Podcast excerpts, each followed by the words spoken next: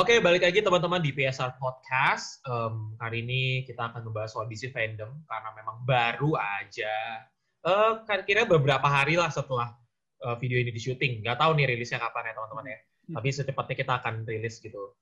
Um, seperti uh, yang kita tahu di DC Fandom ini benar-benar ya abis-abisan DC lah, presentasi abis-abisan DC lah. Kalau tahun lalu Marvel abis-abisan, kali ini kira kira DC yang abis-abisan gitu, project-projectnya dari DCU sampai seriesnya gitu. Nanti mungkin kita akan bahas lebih banyak soal filmnya aja ya gitu. Seriesnya mungkin nggak akan kita kulik sama sekali. Uh, masih sama gue Andri Guna Santoso di sini uh, dan partner gue Isman. Isman masih di situ ya teman-teman ya. Jadi dia dari tadi diem-diem nih bukan berarti nggak ada. Oke, okay, Man, uh, kita akan ngebahas soal DC fandom. Sebelumnya gue akan kasih summary dulu nih di DC fandom kemarin ada apa aja sih. Jadi di Indonesia sendiri diadakannya tuh uh, setelah dia kita atur-atur waktunya di Indonesia tuh diadakan jam 12 malam. Jadi kita begadang dari jam 12 malam sampai jam 8 pagi untuk cuma sekedar ngikutin. Lu full ya? Full ngikutin gua, gua ya? full. Gua full ngikutin, habis itu gue langsung lanjut kerja, tiket pagi gue. Keren. Kalau gue full, uh, tapi gue ada beberapa kan di sela-selanya kan yang bukan film tuh. Gak, nah. gue kayak tidur tidur dikit lah, nyori nyori tidur tidur oh, dikit. Oh iya, gak gue gue gue ada yang gue tidur juga sebenarnya uh, satu dua gitu. Yang menurut gue oke okay lah ini bisa gue tinggal tidur lah. Iya, soalnya kan sebenarnya panel dari setiap uh, dari setiap filmnya itu kan nggak nggak semuanya tuh 30 menit, ada yang cuma 10 menit, ada yang cuma 20 menit gitu. Jadi mm-hmm. habis itu jedanya lumayan lah sejam sejam 40 menit gitu ya kita bisa gue gue tidur sih pribadi sih. Aku dosa. Kurang ngefans sama DC udah tuh nih ya. But anyway, intinya DC fandom kemarin itu adalah uh, mereka bikin panel macam-macam. Ada yang comic book, ada yang tentang multiverse, jadi project-project multiverse, ada yang tentang Sandman. Yang paling highlight tentunya ya Snyder Cut sama The Batman. Tapi semua film DC ada lainnya, DCU juga lainnya ada lah gitu ya. Kayak The Flash, Aquaman 2, Shazam 2, terus ada juga Black Adam, ada juga uh, Wonder Woman 1984. Jadi mereka bikin panel lah. Jadi bukan sekedar presentasi kayak di ini di Comic Con nih kemarin. Kalau Comic Con kemarin kan cuma presentasi bla bla bla. Ini bikin panel. Ada discuss, discussion, ada tanya jawab dengan fans, dibikin gimmick-gimmick, ini seperti itu. Tapi kita nggak akan bahas itu. Maksudnya kita nggak akan bahas breakdown total abis-abisan semua panelnya. Uh, bosen lah ya, itu udah dilakukan di semua channel-channel film ya nggak sih? Kita nggak akan bahas itu. Kalau kalian mau cari tahu breakdown atau segala macamnya, kalian bisa ngecek di Instagram post kita, dari Stop Rewards, atau kalian bisa cek di ya channel account lain aja gitu sih, atau podcast lainnya. Kita akan uh, ngasih impresi apa sih yang menarik dan apa sih yang nggak menarik dari presentasi masing-masing filmnya. Nah, gimana man? Kalau dari dulu deh, sebelum ke gua nih. Oh, sebelum ke lu ya. uh, agak sulit sebenarnya menurut gua. Yang yang bagus tuh banyak, Neri. Oke. Okay. Uh, eh, ini ini gue nggak perlu ngasih ranking kan, mana yang nggak perlu lah. Bagus, yang the most ya. aja, the most sama yang paling nggak oke okay lah gitu. Impresi aja lah, okay. ranking ranking Impresi, kayak okay. kayak apa aja kasih ranking. Basis okay, dasarnya okay, apa scoringnya? Kalau the most uh, panel yang bikin gue merasa excited itu adalah of course the Batman. Karena gue oke okay lah soalnya gini, kalau uh, untuknya Zack Snyder Justice League, yang Snyder hmm. Cut, kita udah lumayan tahu uh, arahnya akan bagaimana, kita udah tahu bahwa filmnya akan ada, kita udah tahu ceritanya akan sedikit banyak seperti apa. Karena sebelum di reveal kan sudah banyak bocorannya kan, apalagi sempat bocor lagi trailernya. Iya parah. Oke, mungkin kasih konteks kali ya. Jadi kita lagi nunggu okay, apa waktu ya? Nunggu The Flash kalau nggak salah ya. Trailernya ya, udah muncul. Flash, ya. Trailernya udah muncul Snyder Cut gitu. Dan dan kita ngira itu bener bukan trailer yang full tapi teaser sehingga kita yeah, sempat yeah. oh udah keluar gitu kita kita pakai ternyata itu bocor itu adalah hasil yang leak jika ya udah habis itu kita hapus karena kita ingin menghormati hasil kerja kerasnya Zack Snyder lah. Iya, ngoceh-ngoceh tuh Zack Snyder tuh. iya, Zack Snyder sampai ngoceh-ngoceh itu. Uh, dia ngoceh-ngoceh ke siapa tuh ya? Kayaknya ada salah uh, satu jurnalis gitu deh. Dia iya. dia nge-review tentang Snyder Cut tapi yang versi leak-nya gitu loh. Oh, oke. Okay. Dan kalau nggak salah Zack Snyder bilang uh, lu bilang uh, Justice League yang bukan Justice League yang versinya Joss Whedon, Justice League. itu itu seperti Sunday morning cartoon yang ini buat grown up gitu. Dan gue kecewa lu nonton versi league-nya. Zack Snyder sampai bilang begitu, kayaknya benar-benar marah. Iya, dan iya bete sih pasti. Pasti bete lah. Soalnya itu kan sebenarnya disimpan-simpan itu. Uh, jadi gini, uh, balik lagi ke The Batman, gue suka The Batman. Menurut gue uh, reveal-nya bagus dan uh, Matt Reeves sutradara, sutradaranya dia memberikan info-info yang sangat penting meskipun filmnya baru 25% jadi. Dia ngasih tahu inspirasinya dari film apa, dia ngasih tahu pendekatannya akan seperti apa, dan bagaimana Robert Pattinson yang memerankan Bruce Wayne itu berperan besar dalam uh, treatmentnya dia ke karakter Batman soal batsuitnya akan seperti apa. Jadi dia memberikan info yang benar-benar baru, fresh dan informatif dan menurut gua gue suka banget info-infonya dan puncaknya adalah ketika mereka reveal trailernya The Batman dan gue suka banget dengan lagunya Nirvana itu. Suasananya bener-bener kayak film noir banget. Dan gue gua yakin apa tuh ketika Matt Reeves bilang ini film Batman-nya akan beda ini lebih kayak detective story. Gue kebayang ketika lihat trailernya karena ini kayaknya bakal jadi yang berbeda. Maksudnya ketika Zack Snyder sangat uh, stylenya sangat dekat dengan komik lalu Nolan yang sangat science fiction dan high tech yang ini lebih membumi lagi jadi menurut gue the best adalah panelnya The Batman baru kemudian habis itu Justice League Snyder Cut karena trailernya yang mind blowing itu kalau lo sendiri apa Andri menurut lo yang paling menarik nanti lah. Uh, lu yang underwhelming dulu lah, yang menurut lu nggak oke. Okay. Underwhelming dulu. Nah, menurut lu sekalian okay. aja udah nanti gue cerita abis itu. Oke oke oke. Kalau kalau menurut gue yang underwhelming itu, uh, menurut gue yang uh, yang Wonder Woman itu hampir underwhelming karena panelnya tanya jawabnya nggak seberapa menarik, nggak banyak info baru yang terungkap di situ. Jadi lebih kayak sesi temu fans lah. Oke, gue mengakui bahwa sesi temu fans itu penting maksudnya untuk siapa sih nggak seneng ketemu Gal Gadot eh, iya iya iya eh, tapi menurut gua nggak ada informasi baru di situ. Yang satu-satu informasi baru itu cuman uh, penampilannya Cita uh, desainnya seperti apa. Yang itu pun sudah ke reveal sebelumnya lewat work art. Hmm. jadi menurut gua tuh salah satu yang underwhelming. Tapi ada yang lebih underwhelming lagi yaitu menurut gua ini setara underwhelmingnya. Yaitu panelnya Aquaman dan uh, panelnya uh, Shazam, Fury of God. Karena menurut gua itu kayak dipaksain ada panelnya. Jadi infonya yang diberikan tuh cuma sebatas title-nya apa, uh, cast-nya akan balik siapa, ceritanya belum ada. Iya. Yeah. Soalnya setahu gue James Bond tuh cuma bilang Aquaman 2 misalnya, ceritanya akan lebih serius karena dia ingin uh, melakukan world building yang lebih gede. Sementara yang Shazam nggak nggak banyak info yang diungkap juga jadi menurut gue underwhelming banget kayaknya di situ cuma pingin jangan stop di The Batman, Suicide Squad, Wonder Woman dan Justice League. Kasih dua lainnya lah untuk plan ke depannya seperti apa tapi nggak ada informasi yang penting. Ya ini sama kayak misalnya Marvel cuma reveal title nggak yeah. ada penjelasan apa pun. Ya ya udah kenapa harus pakai panel? Nggak nggak pakai berita aja. Hmm I see I see. Ah gue agak berbeda nih. Uh, mungkin karena gue orang marketing kali ya jadi gue Mm-hmm. sangat-sangat uh, melihat bagaimana cara mereka presentasi, uh, bukan sekedar isi kontennya apa gitu. Menurut gue gini loh, produk yang bagus kalau presentasinya biasa aja akan hasilnya juga bagus gitu. Termasuk kayak makanya ketika Snyder Cut sama The Batman, gaya presentasinya kan cuma sekedar ini kan. Uh, let's say Snyder Cut itu cuma ngobrol sama Zack Snyder gitu. Mm-hmm. Kemudian uh, The Batman awal-awal masuk uh, reveal ke Robert Pattinson yang gue pikir Robert Pattinson akan ngomong apa, dia cuma bi bilang uh, eh, gue nggak bisa ngomong apa-apa terus habis itu dilempar ke Matrix sama obrolan Matrix dengan moderatornya lah pada saat itu hmm.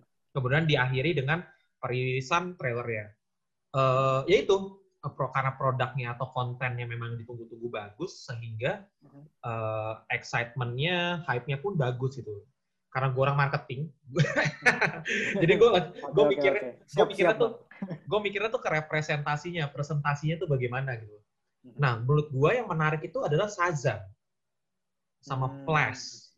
Menurut gue ya. Oh iya, Flash Flash keren. Ya benar. Shazam lah, Shazam lah menurut gue lebih menarik lah. Uh, kalau Flash oke, okay. kalau Flash kan dia buat dengan gaya-gaya monolog satu-satu ganti-ganti, hmm. terus si hmm. Ezra Millernya ngasih kayak uh, semacam trivial-trivial gitu kan. Yeah. Terus nanti si sutradaranya ngomong apa, si ininya ngomong apa gitu dengan dengan monolognya masing-masing. Habis itu revelasi uh, konsep artnya. Memang benar konsep art tidak terlalu menarik sebagai informasi, tapi bagaimana presentasinya itu yang gue suka. Oh, mhm. ternyata bisa diginiin tuh. Gitu. gue ya, ya. gue nggak nyangka gitu bisa diginiin tuh. Andaikan nggak semuanya perlu uh, tektokan ala talk show gitu, nggak perlu kayak gitu, tapi bisa bentuk-bentuknya kayak begini gitu. Sebenarnya Wonder Woman tuh melakukan hal yang tepat. Mereka tektokan ala talk show, tapi uh, caranya tuh beda gitu dari fans ada Linda Carter termasuk uh, The Suicide Squad dia main games kan oh. untuk untuk nge-reveal ininya ya kan ya, ya. untuk nge-reveal kayak fakta-fakta menarik kayak Bloodsport hmm. itu sempat nembak si Superman itu dengan main game kan tektokan hmm. gitu itu menurut gue menarik banget kayak mereka tuh yeah. sampai bikin gimmick-gimmick oke okay, lu mau ngambil siapa lu mau ngambil siapa gitu itu lucu sih menurut gue fun fun dan itu engaging banget tuh juga gimmicknya juga pas dengan uh, apa ya stylenya akan dibawa oleh The Suicide Squad ini yang di mana fun dan ya hmm. dan agak sedikit violent gitu lah. Iya, ya, Tapi quirky banget lah. Funnya tuh dapat uh, quirky loh gitu. Dan kita hmm. ketika ngelihat presentasinya kita bisa nangkep oh feel filmnya emang akan seperti itu, fun. Yang dia gue gue juga harus ini sih uh, appreciate banget sih yang buat konten ini kan bukan live ya, ini kan recorded hmm. Uh, hmm. mereka tuh pakainya pakai via Zoom atau via apa gue gak ngerti. Jadi pas rame frantic, ngomong apa ngomong apa ngomong apa, mereka tuh tetap bisa ini loh bisa dengerin gue nggak ngerti apa syuting yeah. berkali-kali atau gimana tapi pas dengernya tuh enak gitu loh pas dengernya enak mm-hmm. gue tuh nonton ini castnya Wonder Woman main werewolf itu seru juga oh. itu seru yeah, banget yeah, yeah. walaupun nggak ada info-info apa tapi seru juga cara presentasinya lah nah, tapi menurut gue yang paling menarik kan Shazam dia mm-hmm. mungkin karena gue suka komedi ya menjokes ya jadi dia dia presentasikan dengan ala-ala skit-skit gitu jokes mm-hmm. tektok tektokan gitu itu aduh pecah banget ya menurut gue gue kakak gitu. Emang ada beberapa sih sejujurnya gue nggak ngerti referensinya kayak Simbat itu gue nggak tahu referensinya apa. Ternyata setelah gue kulik-kulik dia tuh komedian terus uh, dia tuh bikin jokes tuh kayak dia tuh nggak nggak berperan di film film Genie gitu komedi tahun 90-an yang judulnya tuh Shazam gitu gitulah jokes-jokes ah, kayak iya, begitulah. iya. gue nggak nggak paham gitu pas gue kulik-kulik oh begitu maksudnya gitu. Hmm. terus sempat bikin jokes-jokes kayak judul apa segala macem terus pas endingnya di reveal judulnya eksklusif konten. Itu goblok banget lagi gitu. itu gue gue ngerasa kayak wah gila sih. Ini nih presentasi yang bagus nih walaupun cuma sekedar nge-reveal uh, judul tapi presentasinya menarik gitu. Karena gue orang marketing gitu. Jadi gue pikir kayak oh presentasi menarik seperti ini cara membuat orang jadi engaging. Bagaimana seandainya kalau The Batman oke okay lah The Batman agak susah kali uh, Snyder Cut di, dibuat presentasinya mungkin macam-macam kayak begini gitu. Kalau The Batman mungkin serius makanya dibuat presentasinya ya udah talk show aja lah gitu. Snyder yeah, Cut yeah. yang kita udah tahu udah banyak informasinya, ya kenapa nggak dibuat lebih uh, beda aja gitu. Gue sangat menyayangkan sih. Gitu. Mungkin ada gimmick-gimmick dikit lah, munculin apa, yeah. munculin apa gitu, atau uh, ada kayak retrospektif dulu-dulu gitu dengan fans gimana, itu kayaknya lebih menarik sih. Itu menurut gue ya. Sedangkan yang paling gak menarik jelas Aquaman udah bentuk mm-hmm. talk show ngobrol sama James Wan in, mm-hmm. yang diumumkan juga nggak ada apa-apa gitu gua, mm-hmm. selain setahu gue cuma sekedar Patrick Wilson confirm akan balik lagi sebagai Ocean Master and then that's it udah selesai gitu dia cuma cerita tentang temanya gimana terus bakal kayak gimana yang which is kayak ya nggak perlu di sini juga kali lu nggak bisa bikin yang yeah, yeah. gitu gue nggak ngerti sih gimana yeah. cara mereka agensinya bikin Warner Bros uh, yeah. atau apa agensinya gue nggak tahu gimana yeah. cara mereka untuk presentasi. Decided untuk meeting kayaknya. Yeah, Shazam yeah. harus begini deh. Kayaknya ini harus begini gue nggak tahu gimana yeah. cara mereka decidednya gitu sih. Tapi uh, yeah. Aquaman sih agak menurut gue agak blunder banget sih. Mungkin itu itu uh, last minute edition gitu. Jadi yang benar-benar ditambah di menit-menit terakhir sehingga ya mereka tidak ada persiapan yang matang dan ya cuman seadanya aja yang benar-benar low key banget. Uh, agak ini sih. Menurut gue sih kan ini kan bukan live ya again. Recorded version mm-hmm. yang di mana um, mereka punya persiapan matang gitu loh dari jauh-jauh hari. Ketika mau ngumumin Aquaman 2, at least mereka tahu lah apa yang mau diumumin gitu. Mm-hmm. Walaupun memang nggak ada konsep, nggak ada konsep, at least uh, kontennya lah, revelasinya apa kayak gitu yang lebih lebih bigger Atau gitu. Uh -uh, lebih bigger daripada sekedar sekedar uh, cuma ngasih tahu Ocean Master as a villain, return villain, and then that's it gitu nggak nggak nggak nggak kayak gitu juga gitu loh maksudku nggak kayak gitu juga. Umumin siapa kek cast baru kek apa kek gitu. Atau konsep cerita kek gitu. Jadi jadi atau referensi adaptasi lah gitu minimal gitu. Itu kan lebih baik sia-sia gitu. ya bangun ya? Sia-sia bangun tuh, ya? Iya betul. Itu kayak paling boring banget. Apa gue nungguin yang ini. Itu sih uh, but anyway dari sekian banyak panelnya ini ini apakah menurut lu uh, DC fandom ini akan menjadi proof untuk kebangkitan atau rising up of DC itu. Saat setelah selama ini kan fail ya. Ya setelah yeah, Justice yeah. League tuh kayak udah nggak jelas nih project mau dibawa ke mana gitu. Mhm. menurut lu gimana? Kalau menurut gue bagus sih. Kayaknya DC manfaatin bener uh, periode-periode pandemi ini di mana Marvel tiba-tiba nyaris nggak ada suaranya.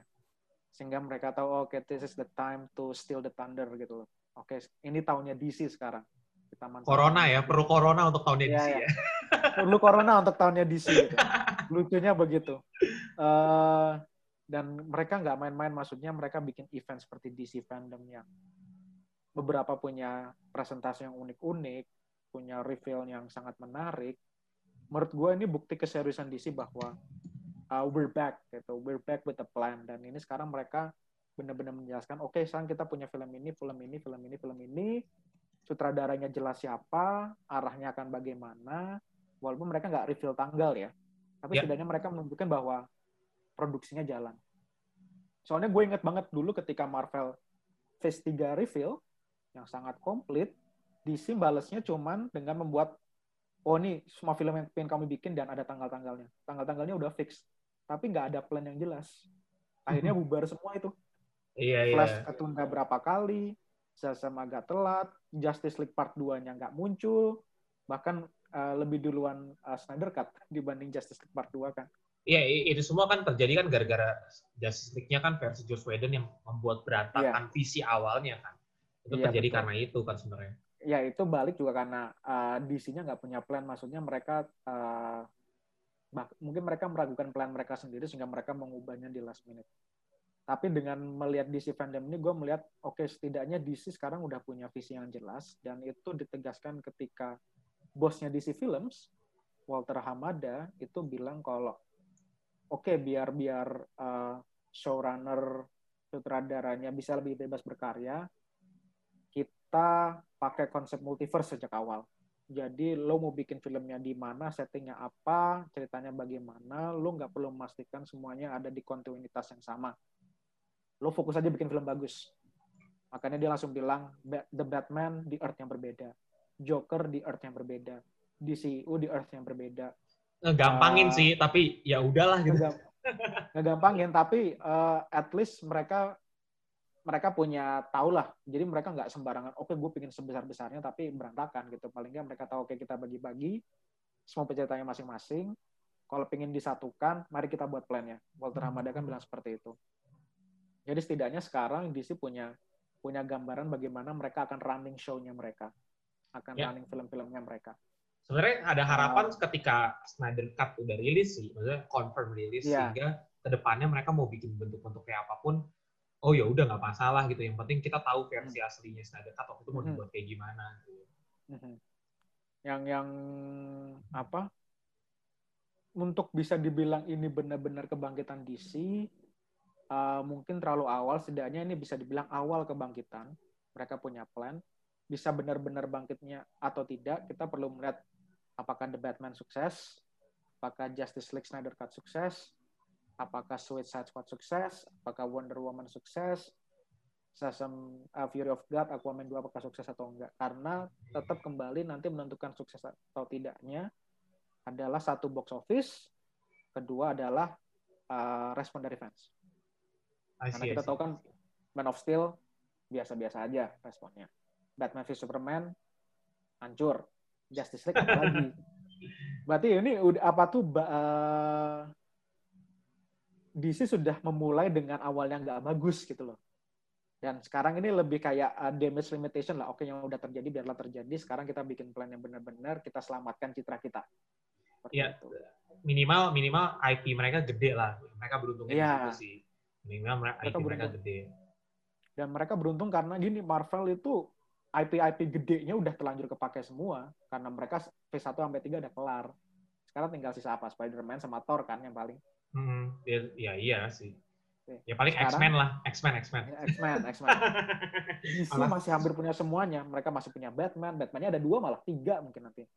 Ah, mereka jualan Batman, Batman, Superman sama Joker juga pasti laku. Iya, iya.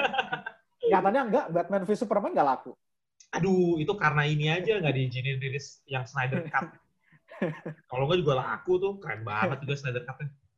Uh, eh, gue sih pengen uh, untuk mengatakan di, apakah DC benar-benar bangkit nantinya melihat uh, respon dan box office dari film itu dulu karena gue tetap punya semacam skeptis terhadap cara Zack Snyder bercerita maksudnya dia dia sangat stylish cerita ceritanya bagus cuman terkadang ada problem pacing ke dia tapi untunglah maksudnya untuk yang Snyder Cut ini kan jadi mini series 4 episode masing-masing satu jam kan jadi dia punya lebih banyak ruang untuk mengatur pacingnya Iya sih.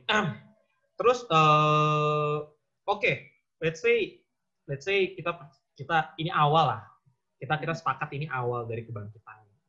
Nah, gimana caranya supaya si project-project di sini nih tetap terjaga nih gitu. Uh, hype-nya, animo terjaga. Karena kita tahu ke belakang pasti kan akan digempur lagi sama Marvel, sama iya. film-film iya. lain yang lain yang benar-benar lebih apa ya bisa mungkin ngalahin DC in a way gitu loh yeah. hype-nya gitu loh uh, gimana nih caranya untuk menjaga ini gitu menurut lo? Iya. Yeah. Uh, ini DC kayak emang perlu meskipun Marvel kelihatan diem-diem aja mungkin mereka punya sesuatu di belakang layar mereka tetap harus hati-hati karena uh, selama ini kan Marvel tipikalnya adalah DC ngeluarin apa oke langsung di uh, langsung di counter dengan review lain sekarang kan diem gua nggak tahu apakah nanti yang mereka akan membuat gebrakan tapi yang perlu dilakukan DC adalah mumpung Marvel lagi diem, mereka setidaknya harus konsisten ngasih update terhadap project-project mereka secara konsisten. Karena ini selama pandemi ini relatif nggak ada film yang bisa ditonton. Nyaris eh, nggak uh, ada hal yang bisa di breakdown atau dibahas kalau tidak ada update dari mereka. Jadi untuk menjaga ekspektasi fans agar tetap tinggi, agar tetap ada hype, mereka harus konsisten beri update. Oke okay, uh, eh, Justice League Snyder Cut sekarang udah berapa persen selesai? Atau misalnya ya apa tuh special effect udah beres? Sekarang kita tinggal mikir gimana supaya muat 4 jam seperti itu. Mereka udah bisa syuting belum sih di sana uh, udah udah bisa udah bisa ya udah bisa atau misalnya kayak uh, kemarin yang untuk yang atau bikin model-model viral marketing kayak kemarin yang Arkham ah, sorry Gotham Knight yang game itu itu kan mereka bikin teka-teki dan segala macam yang di mana uh, netizen bisa ikut memecahkan kode-kodenya. Menurut gue bisa seperti itu juga. Jadi yang pertama adalah konsisten beri update. Yang kedua pastikan plannya tidak berubah-berubah lagi. Karena gini, maksudnya dulu plannya DC terlalu sering berubah-berubah. Kalau misalnya sekarang ada banyak perubahan lagi, kemungkinan besar nanti fans akan mulai ragu bahwa aduh ada masalah lagi nih sama DC apalagi sekarang gitu.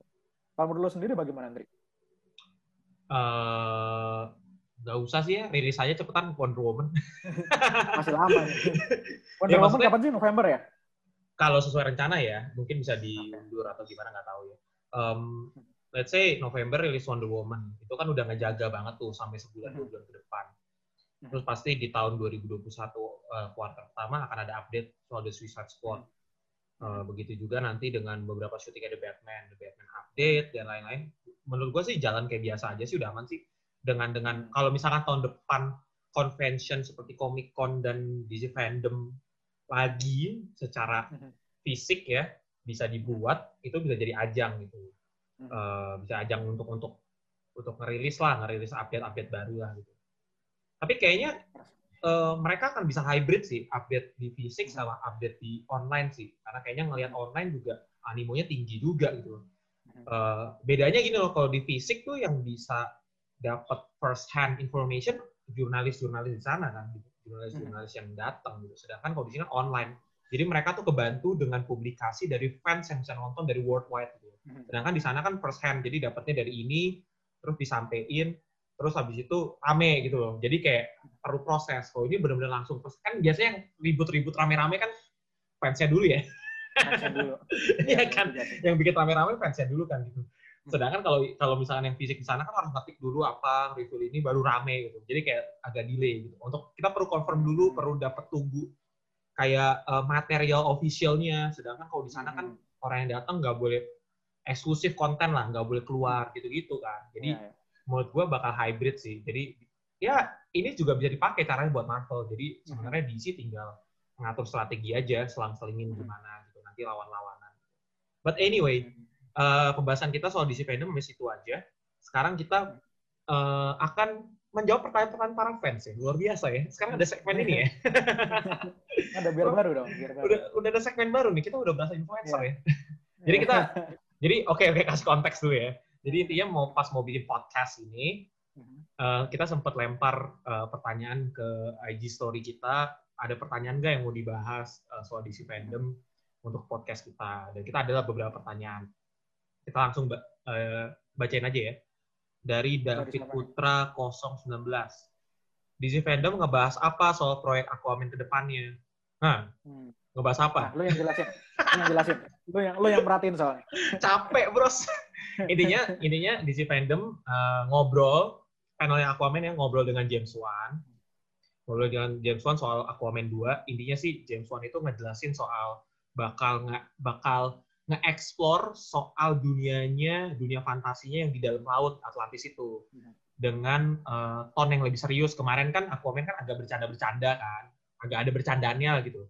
Ini lebih serius, terus dengan tema lebih cultural. Jadi lebih, apa ya, lebih cultural tuh bahasa Indonesia lebih apa ya, gimana ya? Lebih, lebih berbudaya. Iya, lebih lebih nunjukin budaya-budaya Atlantis lah gitu. Jadi ah. lebih kelihatan gitu loh budaya-budaya di sana gitu uh, kan kita tahu nggak cuma sekedar Aquaman 2 kan. Apa sih kemarin The Trends ya? The Trends itu kan salah satu bukti dia mau nge-expand ah, kan, mau nge-explore hmm. dunianya gitu.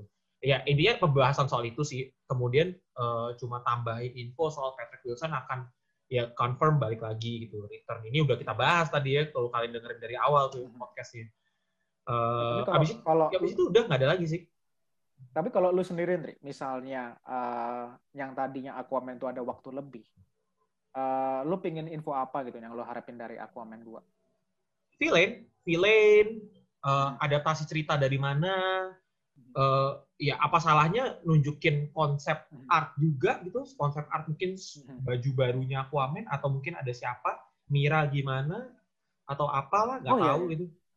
Tapi pemerannya Mira sekarang lagi bermasalah nih. Nah itu kan, itu salah satu concernnya kan. Iya benar juga. Ini gara-gara dia mungkin ada yang nggak tahu kali ya Mira tuh bermasalah ya. apa ya sama Johnny Depp by the way. Sama kan uh, Amber Heard. Amber Heard lagi bermasalah sama Johnny Depp ya. ya. Teman-teman kalau mau tahu kasusnya apa Google aja lah gitu. Ini lagi ribut lah mereka berdua lah. Iya. Oke, okay, anyway kita lanjut ke pertanyaan kedua. Uh, dari Zakaria Soekarno, apakah Suicide Squad yang digarap James Gunn termasuk reboot, standalone atau sequel? Nah ini menarik nih. Oke menarik nih. Silakan dijawab Pak. Lu, Kenapa lempar, aja? lempar lempar ini bagi lu tugas dong. Lu, lu, lu lempar tanggung jawab ini namanya. Oke, okay, uh, eh, gue gue lumayan mengikuti update dari The Suicide Squad. Uh, James Gunn mengatakan bahwa dia tidak pernah mengatakan bahwa The Suicide Squad ini adalah reboot hmm. dari Suicide Squad-nya David Ayer. Walaupun nantinya ada Ayer cut atau tidak, uh, dia tetap mengatakan bahwa ini bukan reboot. Kalaupun mau dianggap sebuah reboot, ini lebih seperti soft reboot. Jadi lebih ke mengubah direksi ceritanya ke mana. Karena kita tahu kan uh, waktu itu Suicide Squad lebih dibuat sebagai setup ke Birds of Prey sama ke Justice League. Ya. Yeah. Kali ini Suicide Squad kayaknya berdiri sendiri dan tidak menjadi setup untuk cerita apa pun. Dan uh, James Gunn mengatakan bahwa ini Suicide Squad yang fresh, tetapi tetap merupakan, tapi tetap uh, dibangun berdasarkan fondasi yang udah ada. Jadi uh, kita akan tetap melihat kayak semacam referensi ke prequelnya. Karena tokoh-tokohnya kan berapa masih ada, masih ada Rick Flag, masih ada Harley Quinn, masih ada Captain Boomerang, masih ada siapa lagi nih? Gua lupa. Uh, ini siapa sih namanya? Uh, Amanda, Amanda Waller. Amanda Waller. Amanda Waller. Oke, Amanda Waller pasti masih ada nggak mungkin karena dia leadernya. Terus apa lagi ya? Kayaknya udah ya. Yang... Ada empat setahu gue. Apa lagi ya? Captain apa ya? Boomerang. Ya? Captain Boomerang, Harley Quinn, Harley uh, Quinn Colonel Colonel Rick Flag, ya Amanda Waller, Waller udah. Dia udah empat. Ya udah empat. Jadi yang lain-lain pada habis kan. Hilang. uh, Will Smith hilang. Will Smith-nya diganti diganti Idris Elba, Bloodsport dari Deadshot jadi Bloodsport. Uh, dan ya itu, jadi uh, The Suicide Squad bisa dibilang pendekatan yang fresh, tetapi dia tetap menggunakan fondasi yang udah ada di prequelnya. Apakah nantinya ini referensinya akan benar-benar terikat di mana ceritanya merupakan satu kontinuitas baru atau standalone itu itu yang kita belum tahu.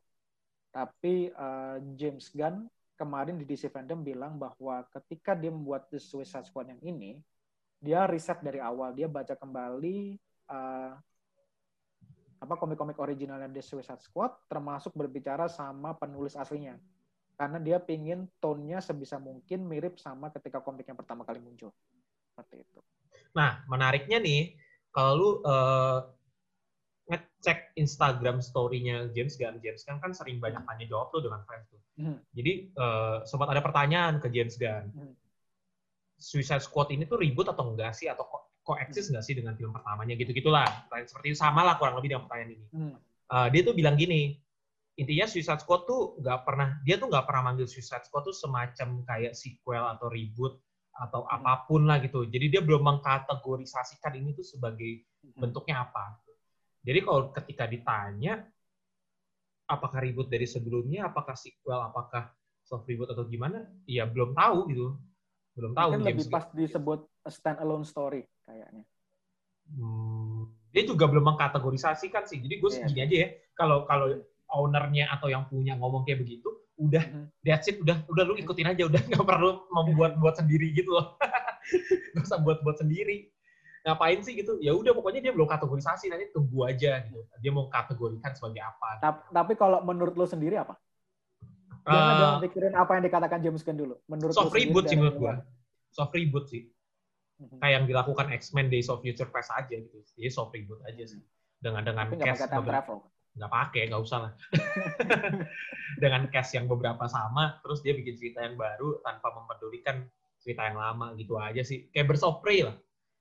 Gitu-gitu. Oh iya, kayak Birds of Prey, benar. Birds of Prey kan basically emang standalone story, soft reboot, tapi tetap ada sedikit referensi ke hmm, Suicide Squad. Tapi kan karakternya baru semua gitu. Iya. Itu aja lah. Uh, Oke, okay, kita masuk ke pertanyaan terakhir. Kira-kira uh, ini dari Unlimited Pawa A-nya banyak bener. Un unlimited power kayak maksudnya. Pawa gitu banyak Oke, pertanyaan adalah kira-kira The Batman nanti banyak ke berantemnya atau problem solving teka-tekinya? Hmm. Nah, sekarang giliran lo. Sekarang giliran lo. Gak tahu. kalau kalau mengacu pada informasi soal film ini akan fokus ke sisi detektifnya The Batman, akan ada kemungkinan lebih banyak ke solving teka-tekinya. Apalagi kan referensi film-filmnya dia kan ini banget ya, uh, noir banget kan. Mhm. Apa tuh Taxi Driver, terus Taxi ada French Connection, Chinatown. Chinatown, Chinatown tuh salah satu best film noir kalau hmm. dia pakai terus uh, preferensi itu keren sih nanti jadinya. Iya, jadi jadi lebih banyak uh, pengungkapan sisi detektifnya. Tapi bukan berarti tidak ada sisi actionnya. Mungkin ada, tapi nggak nggak sebanyak film action pada umumnya. Lagian kalau kita ngambil referensi The Dark Knight, The Dark Knight juga actionnya dikit. Actionnya dikit, tapi koreografinya jelek. Iya gitu. Intinya uh, actionnya juga dikit itu lebih banyak dramanya dan segala macam. Dan lebih menarik dengerin ada nontonin dramanya daripada actionnya.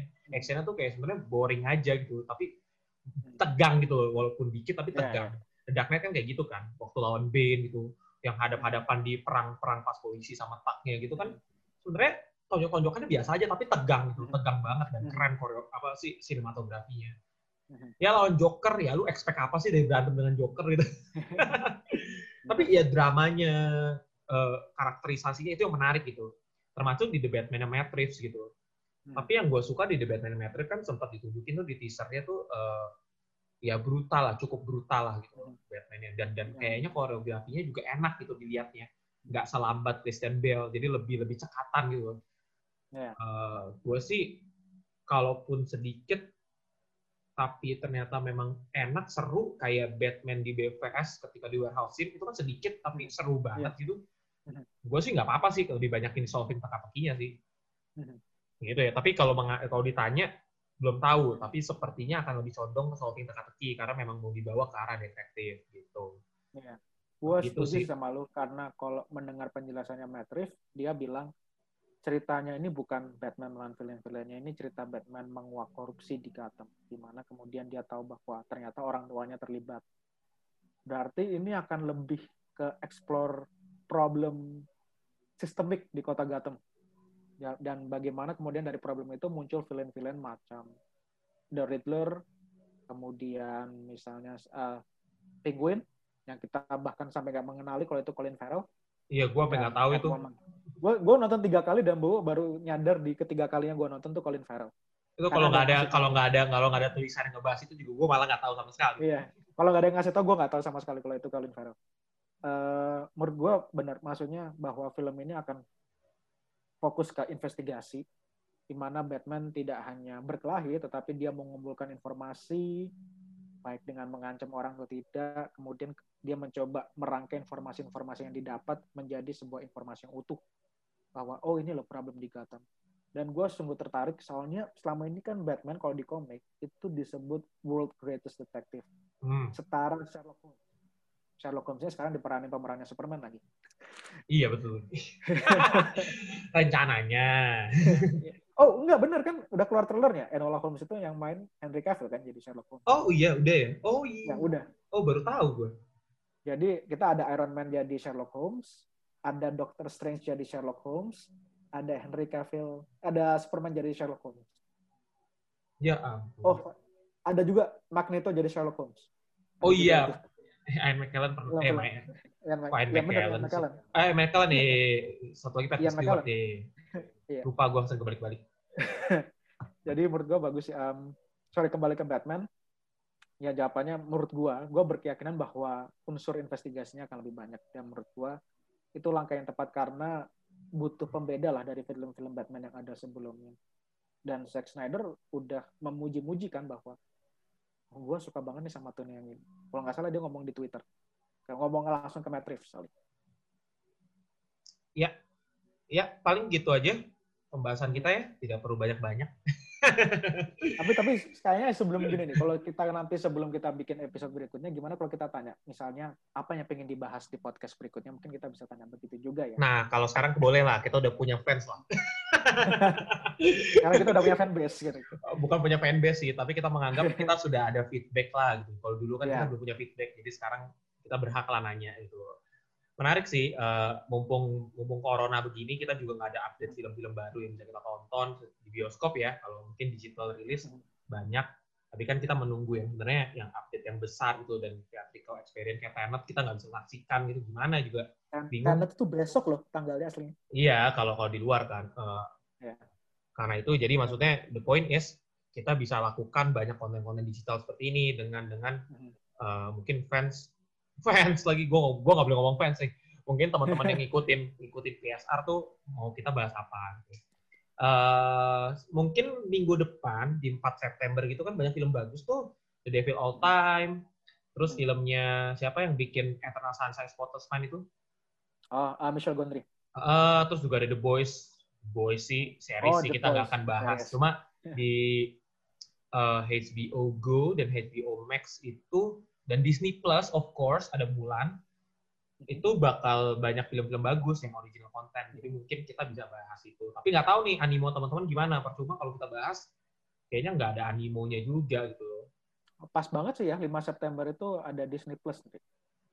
Iya pas banget. Jadi jadi kita bisa kulik nih nanti di Disney Plus gimana bla bla. Mungkin kita bisa bahas soal Disney Plus secara ini spesifik dan, gitu oh, konten-kontennya. Dan uh, gua udah ngelihat UI-nya Disney Plus Hotstar kayak apa.